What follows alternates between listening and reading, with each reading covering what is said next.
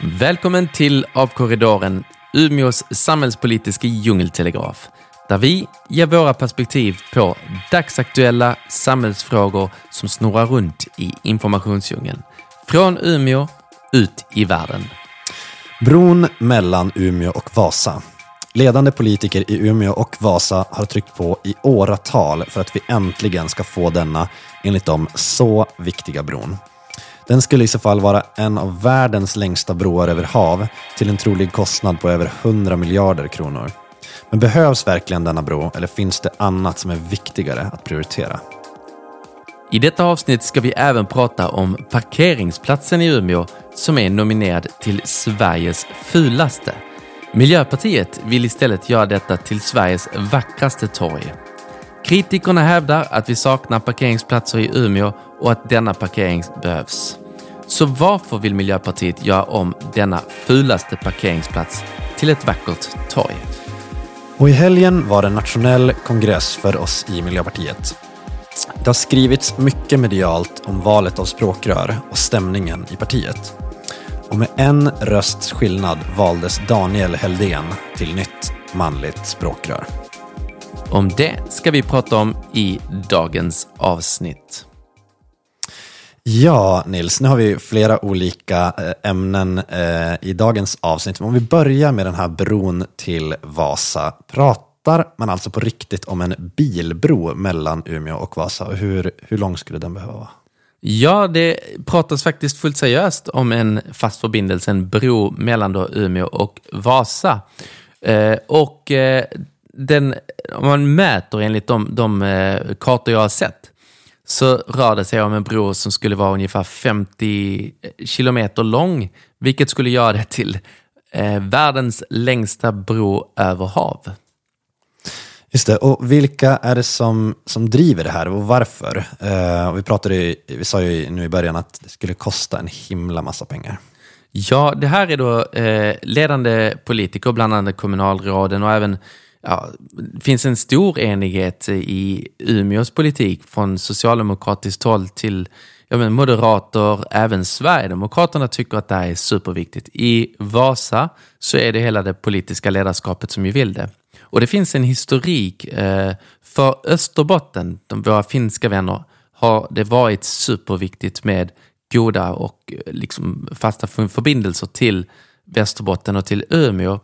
Och kommunerna har ju gått in gemensamt för att satsa på att ha en färjeförbindelse som fungerar, vilket har varit framgångsrikt och vi har ett bra reseunderlag och har kunnat knyta samman de här två eh, regionerna. Mm. Men det räcker inte och man känner den här eh, visionära politikerna som känner att vi behöver en fast förbindelse så vi kan binda ihop. Man hävdar att det är viktigt för våra transporter, det är viktigt för våra näringsgrenar, det är viktigt för vår befolkning. Och nu i det säkerhetspolitiska läget så menar man också att det är viktigt för den gemensamma säkerhetspolitiken.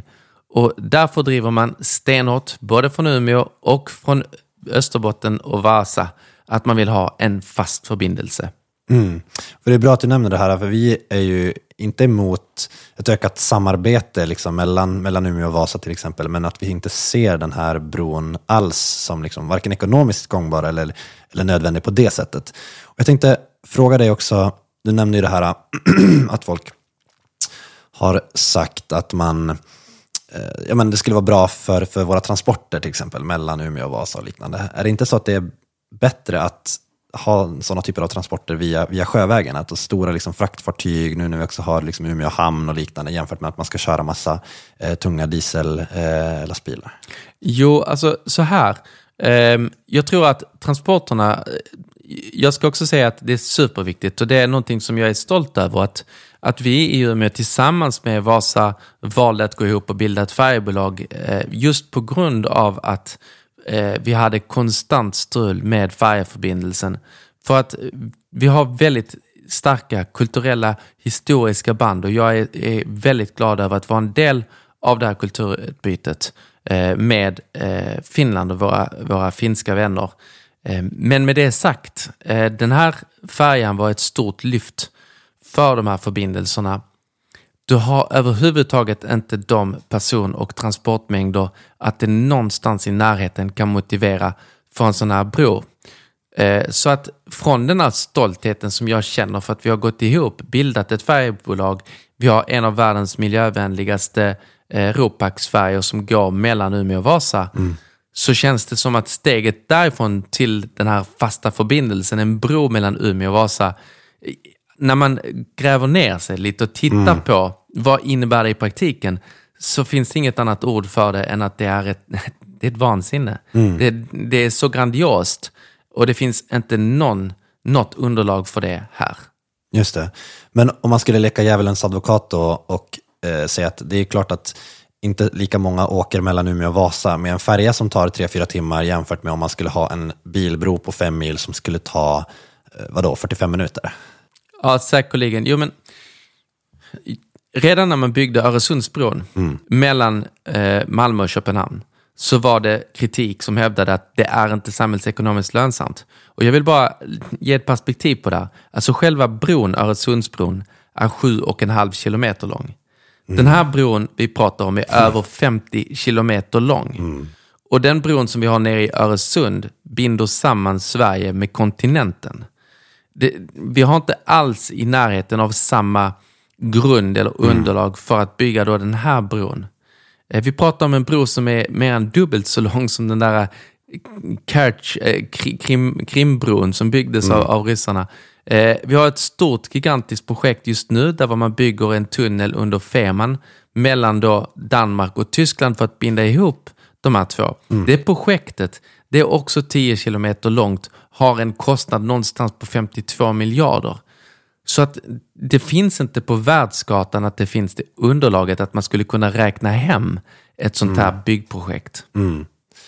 Finns det, nu, nu jämför du ju bra med, med flera andra kända fasta förbindelser över vatten och så. Finns det, finns det någon bro som du känner till som skulle kunna vara i Eh, men i, i, i, klass med den här tilltänkta bron mellan Umeå och Vasa, då, nat, alltså internationellt? Känner du? Nej, alltså det är ju just det att jag tror världens längsta bro över vatten finns i USA och den är nästan 40 kilometer lång, men den går över en sjö.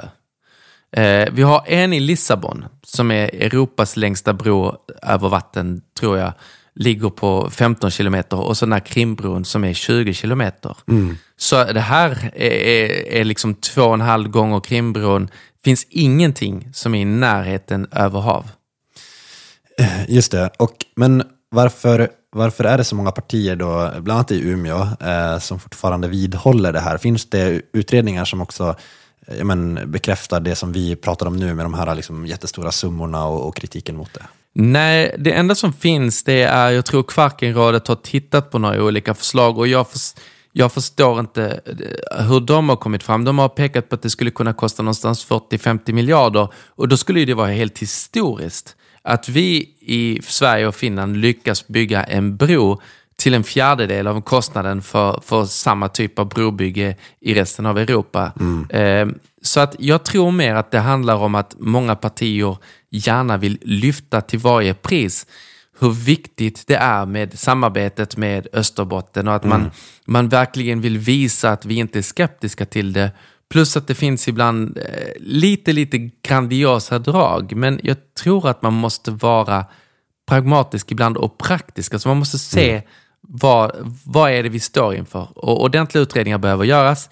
Finska regeringen har gått ut eh, och sagt att de skulle göra en utredning vilket tolkats av många, bland annat mm. politiska mm. företrädare i Vasa och Umeå, mm. som ett klartecken för att finska regeringen är intresserad av att bygga den fasta förbindelse. Mm. Men när man läser så står det ju tydligt att de först ska utreda om det finns en samhällsekonomisk lönsamhet i det här projektet. Det. Vilket det, det, det, finns inte på världskartan att det skulle ske. Mm. Så att då tycker jag det är bättre att våga vara ärlig och säga, men, vi, vi släpper det. Mm. För att i praktiken leder det till problem. Om vi ska ta till exempel utbyggnad av havsbaserad vindkraft. Vi behöver energi i våra områden. Mm. Så säger Umeå kommun och Vasa i deras yttrande, nej men vi vill inte att man bygger det här, för här skulle vi kunna ha en bro. Men då förhindrar man i praktiken utbyggnad av mm. viktig energi som vi behöver för en bro som aldrig någonsin kommer att bli verklighet. Så det är exempel på när den här grandiosa idén går mm. liksom blir, blir en bromskloss för annat som är viktigt. Mm. Just det, så då kan man säga att det finns lokalt här i Umeå och Västerbotten kanske finns det vissa partier som vill driva det här, medan på den finska sidan så är det mer av ett, av ett nationellt intresse, för det har man ju inte märkt i Sverige, inte jag i alla fall. Nej, precis. Och lite till, till cred för Finland ska ju sägas att finska regeringen många gånger har sett till nationens intresse. Mm. Eh, vi har inte riktigt haft samma tur. I, I Sverige så har man en ganska Stockholmscentrerad regering och det var ju typexemplet när vi försökte få till den här färjeförbindelsen, där den finska regeringen var beredd att gå in och ta ett ansvar om den svenska regeringen ville göra samma. Svenska regeringen var inte intresserad och då föll det hela. Så att det var faktiskt tack vare att vi båda länder är med i EU, att Umeå och Vasa gick ihop och EU hjälpte till för att vi skulle kunna få till stånd den här färjetrafiken. Mm, mm. Just det, och gällande de här kostnaderna för, för bron, um, det är ju jätte, jättestora summor och för att liksom sätta det i perspektiv på något vis, uh, finns det andra saker som skulle vara viktigare att prioritera med, med de här typen av, av pengar? Ja, jag tror definitivt att, att vi, vi behöver prioritera, ta till exempel nya Ostkustbanan, dubbelspårigt, som skulle kunna vara en enormt, ett enormt lyft för järnvägen. Skulle kosta, jag tror beräkningarna ligger på 40 miljarder, alltså mindre än hälften av troligtvis vad en, en bro till Vasa skulle kosta. Är ju mycket, mycket viktigare för oss. Dels för klimatomställningen, dels för att förstärka kapaciteten för mm. gods och persontransporter, men kan ju också vara viktig för den här förbindelsen mellan Umeå och Vasa, för det skulle kunna möjliggöra för företag och näringsliv i Finland som vill frakta sitt gods snabbt och klimatsmart ner till Europa att få över den till Holmsund och sen kunna frakta det vidare via järnväg rakt ner till Europa och mm. kontinenten. Mm. Mm. Så det finns många andra satsningar som jag tror är supermycket viktigare. Just det, och sista kort fråga bara, förtydligande. Ostkustbanan, för de som inte känner till den, vad, vad innebär det? Vad Bra du säger det. Ja, alltså om ni någonsin tar snabbtåget mellan Umeå och Stockholm så går det väldigt snabbt ner till Kramfors och sen efter det så går det långsamt. En gammal kringelkrokig järnväg det är hela den sträckan därifrån ner till Gävle som är det här projektet Nya Ostkustbanan och det behövs. Så om jag ska summera så är vi i Miljöpartiet väldigt, väldigt glada och positiva till starka förbindelser, välfungerande förbindelser mellan Umeå och Västerbotten mm. och Vasa och Österbotten. Men vi ser inte på världskartan att det här är ett realistiskt projekt med en fast förbindelse. Så släpp det, gå vidare. Eh, Ostkustbanan är ett väldigt intressant projekt som jag tror vi kommer återkomma till i podden när vi diskuterar järnväg, vilket är väldigt viktigt. Bra, tack. Um, vi har ju flera spännande ämnen i dagens avsnitt och det vi ska prata om nu är den där parkeringsplatsen i Umeå som nominerats till Sveriges fulaste. Och vi i Miljöpartiet i Umeå vill istället göra om det till ett av Sveriges vackraste torg. Eh, Nils, kan du berätta lite om det här, alltså både parkeringen, tävlingen och vårt förslag? Ja, för att eh, ge er en eh, bild av vad vi pratar om. Det är alltså, det finns en parkering mellan Väven och Hamnmagasinet som ligger där längs med älven. Det är så himla vackert. Det är ett väldigt vackert ställe i Umeå. Man har älven framför sig, tegsidan, man har de här landmärkena som finns runt omkring. Och där finns det bara en öppen, tråkig, ful parkeringsplats som tar upp hela denna yta. Och vi från Miljöpartiet är ju glada att den har nominerats till den här tävlingen då, som Naturskyddsföreningen har för att kora Sveriges mm. fulaste parkeringsplats. Eh, och vi ser sån potential i denna ytan. Det är därför vi har lyft det här. Det här finns med i vårt valmanifest sedan tidigare som en del av vår vision för ett hållbart, levande och trivsamt Umeå. Där vi skulle vilja göra om den här ytan till ett, ett levande torg med, med grönytor där människor kan mötas och trivas. Där fina tegelhuset som frontar den här äh, parkeringsplatsen som, mm. som liksom går mellan väven och hamnmagasinet. Den heter Tullmagasinet. Och det, det finns sådana kulvertar där det skulle vara så fint med restauranger, kaféer, uteliv där. Och sen så den här strandpromenaden Så att vi ser stora potentialer för att göra detta till kanske Sveriges vackraste torg. Tänk er det en sommar i Umeå, mm. hur underbart det skulle vara. Ja, just det. För media har ju snappat upp det här bland annat. VK skrev om det här för några dagar sedan eh, utifrån Naturskyddsföreningens tävling. Eh, Folkbladet skrev senast idag om vårt förslag kopplat till eh, den här parkeringsplatsen. Eh, och nu även Sveriges Radio. Du blev ju intervjuad redan nu på morgonen av P4 Västerbotten, Nils. Hur, eh, hur gick det? Vad fick du för frågor? Ja, men det var väldigt kul och, och jag kommer vilja lyssna på det här för att eh, de är även ute och intervjuar invånare för att höra vad de har att säga om vårt förslag. Så det blir spännande att se om vi får ris eller ros. Men det de lyfte var ju mycket av de här farhågorna man har. Alltså, vi behöver parkeringsplatser för alla de som kommer in till Umeå. Mm. Eh, antingen om det är för att man ska hit och jobba eller besöka någon eller handeln. Eh, finns det risk att det här påverkar centrumhandeln? Behöver Umeå ett nytt torg? Så det var mycket av de frågorna som, som ställdes. Eh, och, och där förklarade vi hur viktigt det är. Eh, dels med arbetet i omställningen av trafiken, alltså att vi behöver öka andelen hållbart resande, men också vad vi vill göra för att, för att få ett mer attraktivt centrum. Mm. Ett, en, en, ett attraktivt och trivsamt Umeå, ett levande Umeå. För det är där man ser verkligen hur omställningen till ett hållbart samhälle kan få sådana positiva synergier också för, för oss människor som bor mm. i Umeå. Just det, så du ser de, flera av de här positiva Eh, aspekten i det här. Men vad säger du eh, generellt liksom till andra, eller vad skulle du säga generellt till andra som är skeptiska till det här? Alltså att parkeringen behövs, det ligger ju precis bredvid där vid Sjöbris och Väven, det är många bilar som brukar parkera där, eh, men också varför ska man ha ytterligare ett torg i, i Umeå? Och det här om att centrumhandeln och besöksnäringen, riskerar inte de att drabbas? Jo, alltså det är så här att det där är någonting som ofta återkommer, men vi behöver parkeringar.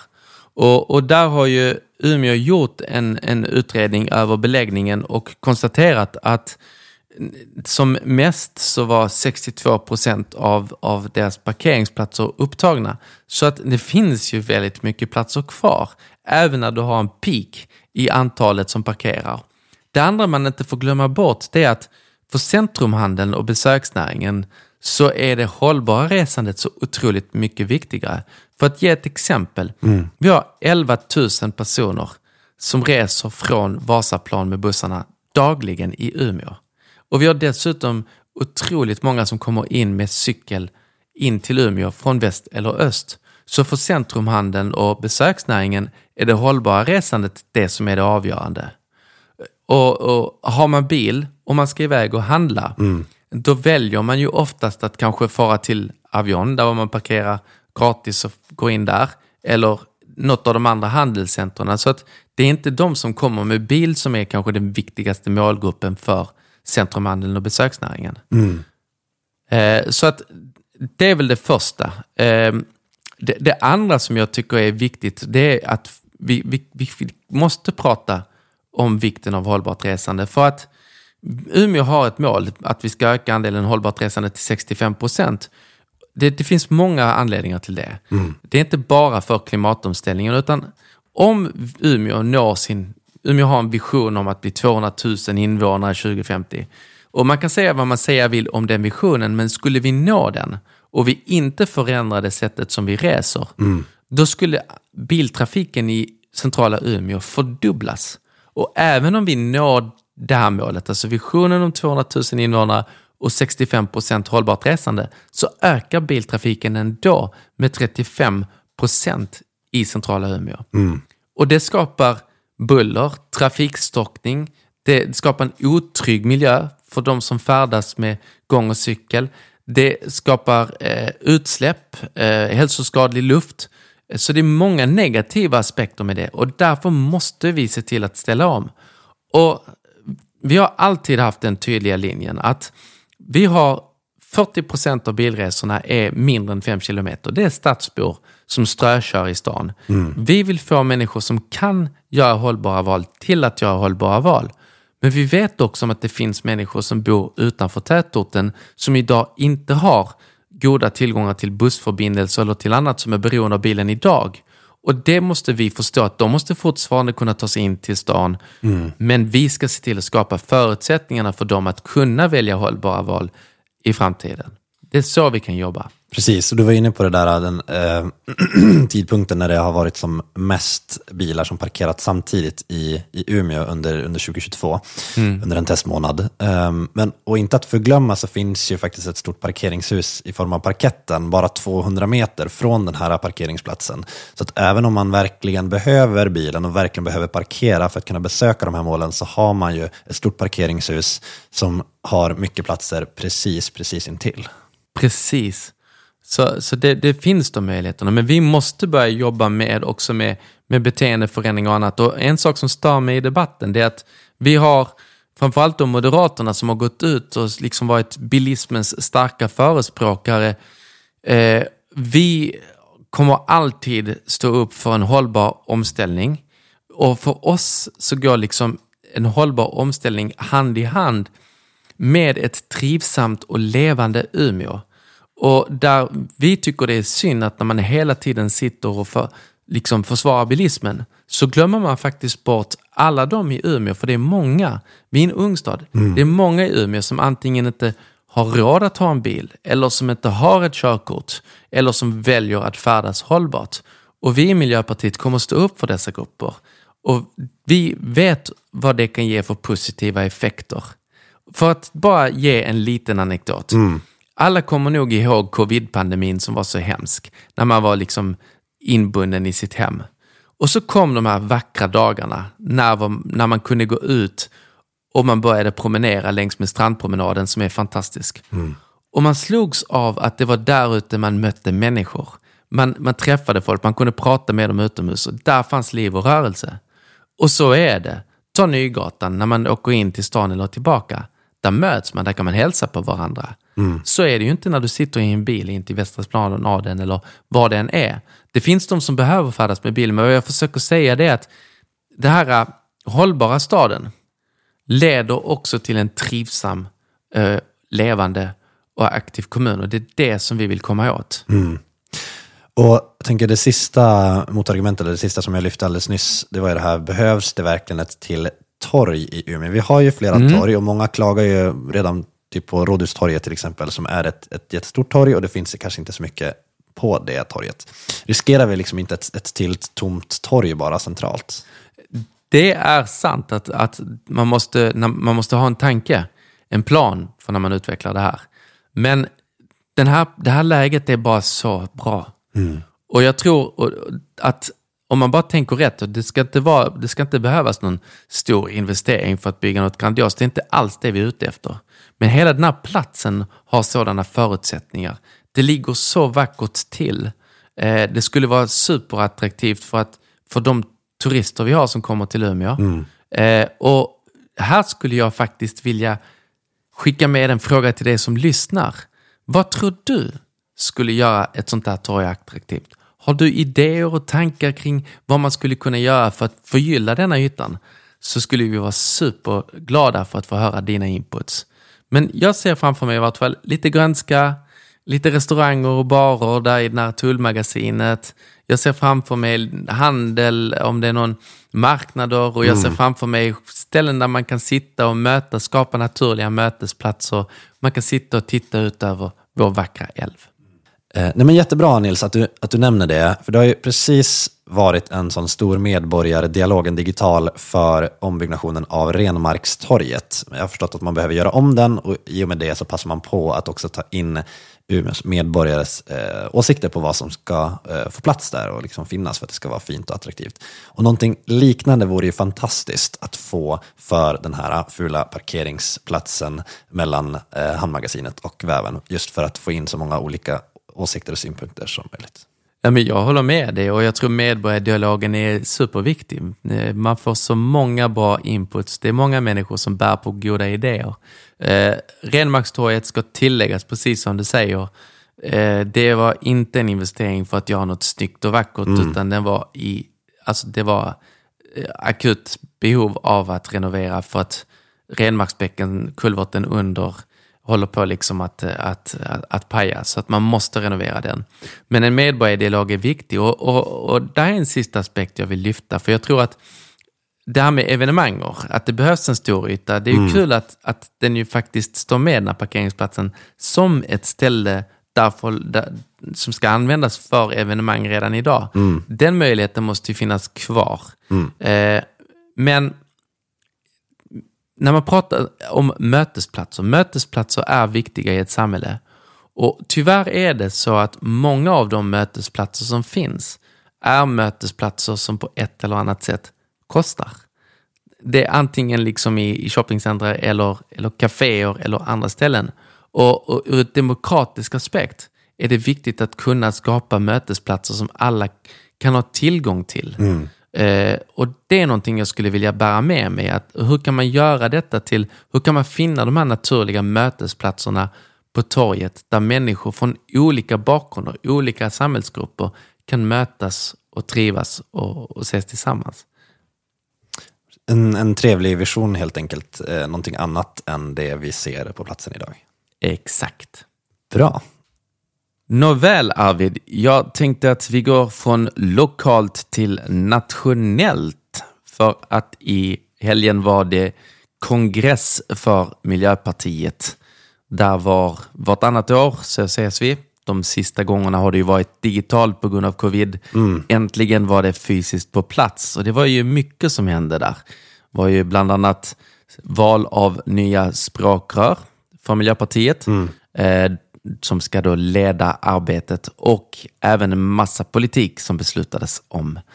Så Arvid, du var ju ombud på kongressen. Hur mm. kändes det? Hur var det? Precis, Nej, men det, var, det var jätteintressant. Det var så annorlunda att vara i ett sammanhang med men, 800 personer var där från Miljöpartiet medlemmar. Eh, det är sällan man är omringad av så många som delar mycket liknande värderingar och tankar. Det är kul. Så det var en av de starkaste upplevelserna. Sen är det otroligt mycket man får, får lära sig och personer man får träffa och eh, så dansa med riksdagsledamöterna på, på galan på kvällen. Och, ja, mycket, en blandning av politik och eh, fest och eh, god stämning. Eh, för de som aldrig varit på en kongress, kan du berätta vad, vad gör man som ombud? Vad händer? Vad, vad, Ja. Precis, alltså då som ombud så ska man representera sitt distrikt och jag var ju då en av dem som representerade Miljöpartiet i Västerbotten. Vi var några från Umeå, några från Skellefteå, Lycksele, Nordmaling och sådär. Och som ombud så ska man då rösta i olika typer av politiska frågor som gäller då för partiet. Så vad vill vi att Miljöpartiet ska driva för politik? Vill vi att partiet ska göra olika positionsförändringar? Vill man att man ska, att man ska ändra sig i olika typer av frågor? Men det handlade också om, om, om val av språkrör och språkrörsmodell eh, och olika principer som kan gälla internt. Så det är väldigt många olika sådana, allt från detaljfrågor till väldigt stora frågor som till exempel NATO eh, och valutabyte och allt, allt möjligt. Då har jag en fråga till dig. Du, om du var ombud, var det något specifikt politikområde som du då var, var med i och ansvarig för, för regionen? Precis. Jag, vi delar upp oss i olika utskott och de här utskotten behandlar då olika typer av, av områden. Ehm, och I och med att jag jobbar mycket med det interna i partiet i, som egenskap av, av kanslist för både Umeå och just nu Västerbotten så var jag på utskottet för de interna frågorna. Så där gick man igenom allting från rotationsprinciper till språkrörsmodell, eh, finansiering av partiet, medlemskapsfrågor. Eh, så det var väldigt mycket intressant som, som tog upps där. Ehm, just det. Och så var det massa andra utskott och som jag har förstått det så var det eh, ja, men det är väldigt intensivt och det är många motioner, det är mycket som ska diskuteras. Eh, hade ni arbetat då i förväg i kongressgruppen från Västerbotten för att gå igenom och, och resonera kring hur ni skulle ställa er i olika frågor eller var det mycket som, som ni avgjorde där på plats? Precis, man får ju alla motioner i förväg så vi har setts i de olika utskottsgrupperna och i helgrupp i kongressgruppen för att komma överens om hur vi vill rösta. Sen är, ju, är det ju så att alla ombud röstar efter eget huvud men man har ju kanske inte tid att läsa in sig på detaljerna i alla motioner för det är, tror jag var, om det var 300-400 stycken eller någonting och sen är det stora program som ska antas. Um, så att då fick man lita lite grann på varandra, men också så diskuterade man ju under tiden som man satt i, i den stora salen där, där alla slutgiltiga beslut togs efter att de hade varit i, i utskotten. Och ni satt och röstade där. Vad kul! Många timmar med röstkort upp i, upp i luften eh, och sen klubbas det. Så det var häftigt att, eh, att känna att man, man tog, kunde ta ganska stora politiska beslut, även fast man man satt liksom bara i en, en läktare och viftade med sitt gula röstkort. Ja, det måste ha varit riktigt coolt. Verkligen. Ja, och det var ju lite grann av min upplevelse, Nils. Och det här språkrörsvalet var ju eh, kanske den allra största eh, frågan på kongressen. I alla fall för, för media och för många andra. Men du har ju själv varit språkrörskandidat men avgått. Eh, och sen har du gett ditt stöd till eh, Daniel Heldén som då vann. Medan MP Umeå och Västerbotten har inte tagit ställning som, eh, som lokalavdelningar och distrikt kan sägas. Men hur känns det för dig nu när han har blivit vald? Alltså det känns faktiskt eh, väldigt kul. Eh, jag tycker att hela, hela processen har varit intressant och det är någonting jag gillar med Miljöpartiet. Många har varit lite så kluvna kring är det verkligen rätt modell? Vi har, vem som helst som medlem kan ju ställa upp. Och det var ju lite diskussioner kring, kring mm. vissa av, av eh, de nya medlemmarna som ställde upp och deras uttryck. Men jag tycker det finns något fint. Det var en lång process, vi var tolv kandidater. Eh, nu var det liksom fyra som var kvar i racet. Mm. Och det stod ju framförallt mellan Daniel Eldén och eh, Magnus Wåhlin. Och det är klart att jag, jag förespråkade ju Daniel Eldén. Jag tror att han, han kommer vara bra för Miljöpartiet. Men jag visste ju också att det skulle bli jämnt. Men kanske inte så här jämnt. Nej, precis. Det var ju otroligt jämnt. Eh, 131 röster mot 130 i slutändan efter tredje röstomgången. Ja. Och det har ju rapporterats om att partiet kanske skulle vara splittrat i och med att det har blivit en sån här jämn omröstning. Det är en fråga som Daniel Heldén framförallt får väldigt mycket frågor kring. Hur ser du på den frågan? Är partiet splittrat nu när det blev så här jämnt?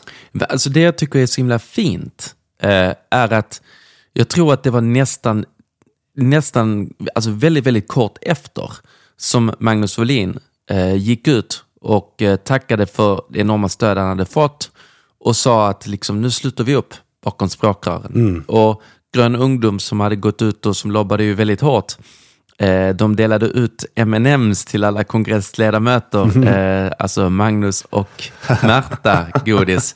De gjorde allt de kunde. Mm. Så fort Daniel Eldén var vald så sprang de upp på scen och tog en bild tillsammans med Daniel Eldén. Det var också en väldigt tydlig signal att nu är valet avgjort, nu kör vi. Mm. Och min upplevelse var ju att det, var, alltså det har varit en jättefin stämning efteråt och då tycker jag det här är en, en snarare fantastiskt styrkebesked för Miljöpartiets demokrati. Mm. Och jag har hört några av ombuden som har fått eh, lite eh, blivit kontaktade av, av bland annat centerpartister och vänsterpartister mm. från runt om i landet som varit lite avundsjuka för de har inte riktigt haft en så, så demokratisk och öppen process. Nej, eh, och det är klart att det finns fördelar och risker. Det hade varit oroväckande om om eh, det hade blivit en större splittring kring det hela. Mm. Nu känns det verkligen som att det har varit helt öppet och man har, haft, man, får, man har fått stå för vilken kandidat man vill. Eh, jag är glad att Västerbotten haft den här filosofin in i det sista att men, alla får rösta efter eget huvud. Eh, för jag, jag, tycker inte om när det blir en massa kartellbildning och man, man börjar mm. organisera sig i olika grupper, utan vi kör liksom. Mm. Eh, och sen att man liksom slutar upp. Och stämningen har varit supergod. Så jag, jag tror på det här. Och Magnus Folin kommer ju nu att försöka göra vad han kan för att komma högre upp på EU-valslistan. Mm. Eh, och jag önskar honom all lycka till. Och... Precis, och Daniel eh, har ju pratat om det där efteråt, att det var väldigt många av ombuden som, som även om de, de som röstade på Magnus, som kom till honom, Daniel, efteråt och verkligen uttryckte sitt, sitt stöd nu och att nu slutar vi upp kring dig som språkrör och att det finns någonting eh, väldigt fint i det. Jag tyckte också att stämningen var liksom entydigt positiv. Och det här med att Miljöpartiet skiljer sig från andra partier i den här frågan är också någonting som han har lyft. Det här mm. med att när, i andra partier, när valberedningen har utsett sitt förslag på kandidat till partiledare då, blir det så är det i princip bestämt. Medan i Miljöpartiet så är det en mycket mer öppen process in i det sista. Eh, och, och, att det, och att det kan vara en sån öppen process med flera kandidater eh, med bibehållen god stämning dem emellan. Det känns väldigt bra. Ja, och det roliga är ju att, att för vad jag har fått förstått när de hade de här sluttalen så Daniel Eldén var ju uppenbart nervös också. Och jag tror att det här är intressant, den här modellen med att våra språkrörskandidater, de grillas. Alltså det är, eh, de har fått konka runt land och rike, vara med på jag vet inte hur många utfrågningar. När det är så här jämnt in i det sista så har man fått vara medial, man har försökt synas mm. utåt, internt.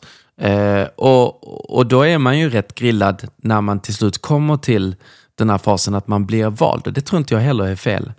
Eh, men det är ett viktigt arbete framför oss nu. Språkrören är de som ska tala för vår politik. Eh, jag är superglad över, över faktiskt att vi har en bra stämning. Mm. Och eh, nu är det bara, känner jag lite, att tuta och köra. Jag tänkte vi ska bara eh, ta som en sista fråga. Mm. Och innan jag glömmer bort, eh, två saker vill jag bara nämna. För det första ja. var det väldigt kul när jag var där nere att få höra att det fanns ju faktiskt distrikt och ombud som ju var inne på att de hade tänkt ge sitt stöd till mig om jag hade varit kvar, mm. som jag inte ens kände. Det måste jag säga, det värmde i hjärtat. Mm. Eh, och det andra var att jag blev invald till eh, kommun och regionkommittén eh, under partistyrelsen. Vi är fem stycken kommunalråd eller gruppledare från kommunpolitiken och fem regionråd eller regionala gruppledare. Så det här ska bli oerhört spännande att jobba mm. med. Ja. Vad roligt. Eh, och man kan också säga där att vårt regionråd här i Västerbotten blev invald till ordförande för precis den kommittén. Visst stämmer det? Exakt. Hon har lite Emma Lindqvist. Ja, det stämmer. Hon är ordförande. Och det tror jag kommer bli superbra, för hon, är väldigt, eh, hon har erfarenhet från den sedan tidigare och det märks att hon är mån om att strukturera upp det arbetet. Men du Arvid, jag tänker så här som eh, lite innan vi rundar av. Eh, vi har, det har ju pratats mycket, mycket kring språkrör, språkrörsval och allt det där. Eh, men det är ju mycket annat som har beslutats om. Och eh, jag tänkte fråga dig om det var några motioner eller beslut eller annat som du tycker var extra intressant eller viktigt för dig under kongressen? Absolut, och nu är det så otroligt många. Ehm, men jag, jag letade lite grann på vilka motioner som jag kommer ihåg gick igenom. Ehm, och bland annat var det en motion om att stötta jordbrukare att ställa om till fossilfritt, vilket känns jätteviktigt. Vi vet att jordbruket är ett område som behöver ställa om och det kan vara ganska svårt att göra det. Och där känns mm. det jätteviktigt att även kunna hjälpa individerna i, det, i den branschen att, att ställa om till fossilfritt, vilket vi behöver. Och, och absolut, och dessutom ska jag säga att jordbruk är något av det som är mest direkt drabbat av klimatförändringarna. För mm. att de får det ju allt tuffare när det blir så skiftande extremväder, extrem torka eller extrem skyfall. Mm. Precis, och sen var det också en motion om att stötta mindre skogsägare, alltså, eller skogsägare med, med mindre eh, skogsarealer, för att just eh, stötta de som är eh, men har en, en, mindre bit skog och inte kanske i dagsläget får samma stöd som, som stor, stora skogsägare. Jätteviktigt, för där har vi liksom idag så domineras ju skogsbruket av de här stora, stora gigantiska multinationella eller nationella företagen och de är kanske inte mest kända för att vara mån om skogen alltid. Precis, så kan det vara. Så det, det kändes också kul att, eh, att stötta de, de mindre personerna i den branschen. Sen var det en motion som blev lite extra medial som jag tyckte var intressant. Eh, och Det var den som vi antog om att förbjuda flyg för resor som kan göras med tåg eh, under tre timmar. Alltså om en resa tar under tre timmar med tåg, då ska man förbjuda flygsträckor för, eller flygresor för samma sträcka. Eh, och de kallar det för Bushresor, som i Ebba Busch. Det var ja, väldigt det. uppmärksammat när hon flög, eh, jag vet inte om det var mellan Göteborg och Stockholm. Jo, hon flög från Stockholm till Göteborg tillbaka för ett kongress eller konvent som handlade om hållbara transporter eller något sånt. Jag minns inte exakt vad det var, men, men eh, ja. Precis, så den tyckte jag var lite extra kul och den känns mycket i tiden. Det är många andra europeiska länder som redan har, har drivit igenom sådana här typer av, av förslag. Fra Frankrike till exempel, där Precis. var det inte finns ett miljöparti i styret. Eh, så att det, det, vissa kan ju tycka att det är radikal miljöpolitik från Miljöpartiet, men det här är ju som sagt vedertaget i flera andra länder där var man mm. inte ens har ett miljöparti i aktiv ställning. Väldigt intressant och bra. Precis, och den sista som jag skulle vilja lyfta, det är ingen motion, eh, men vi antar på kongressen även lite större politiska program inom olika typer av områden. Det handlar om ett EU-politiskt program, men även ett antirasistiskt handlingsprogram. Och det mm. är jag mm. väldigt stolt över. Jag har läst delar av det och tycker att det är väldigt bra. Och Det handlar ju om att vi i Miljöpartiet är det första parti som tar ett helhetsgrepp just kring antirasismen på en politisk nivå, så att vi har ett helt handlingsprogram för att bekämpa rasism. Så otroligt bra och viktigt. Ja, det kör mig extra stolt att vara miljöpartist kan jag säga. Men spännande. Och nu väntar som sagt EU-val nästa år. Precis, juni, 9 juni tror jag att det är val här i Sverige. Och det går inte nog att förklara hur viktigt det är. EU som äntligen börjar komma igång i klimatpolitiken.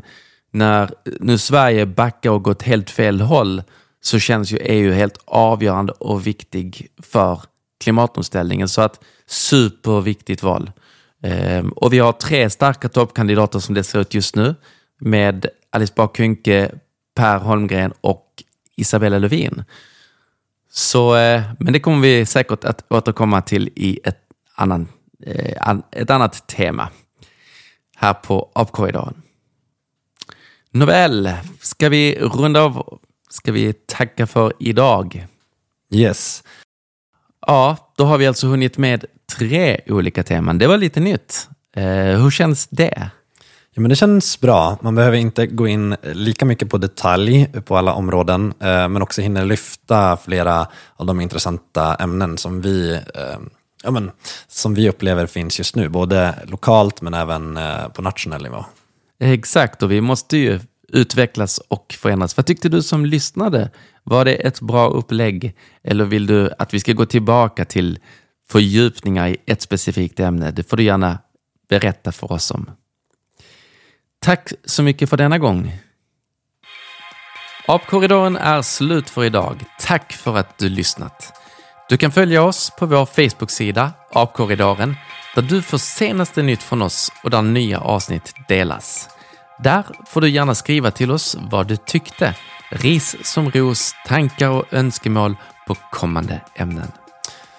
I nästa avsnitt pratar vi om regeringen och SDs nya överenskommelse i klimatpolitiken. Ett krafttag för en ny effektiv klimatpolitik, om man ska tro regeringen.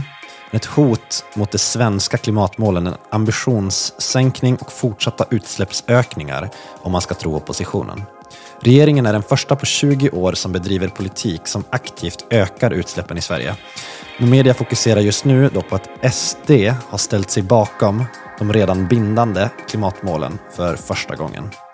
Men hur påverkar det regeringens klimatpolitik och vilka hemliga eftergifter behöver regeringen göra gentemot SD för det här?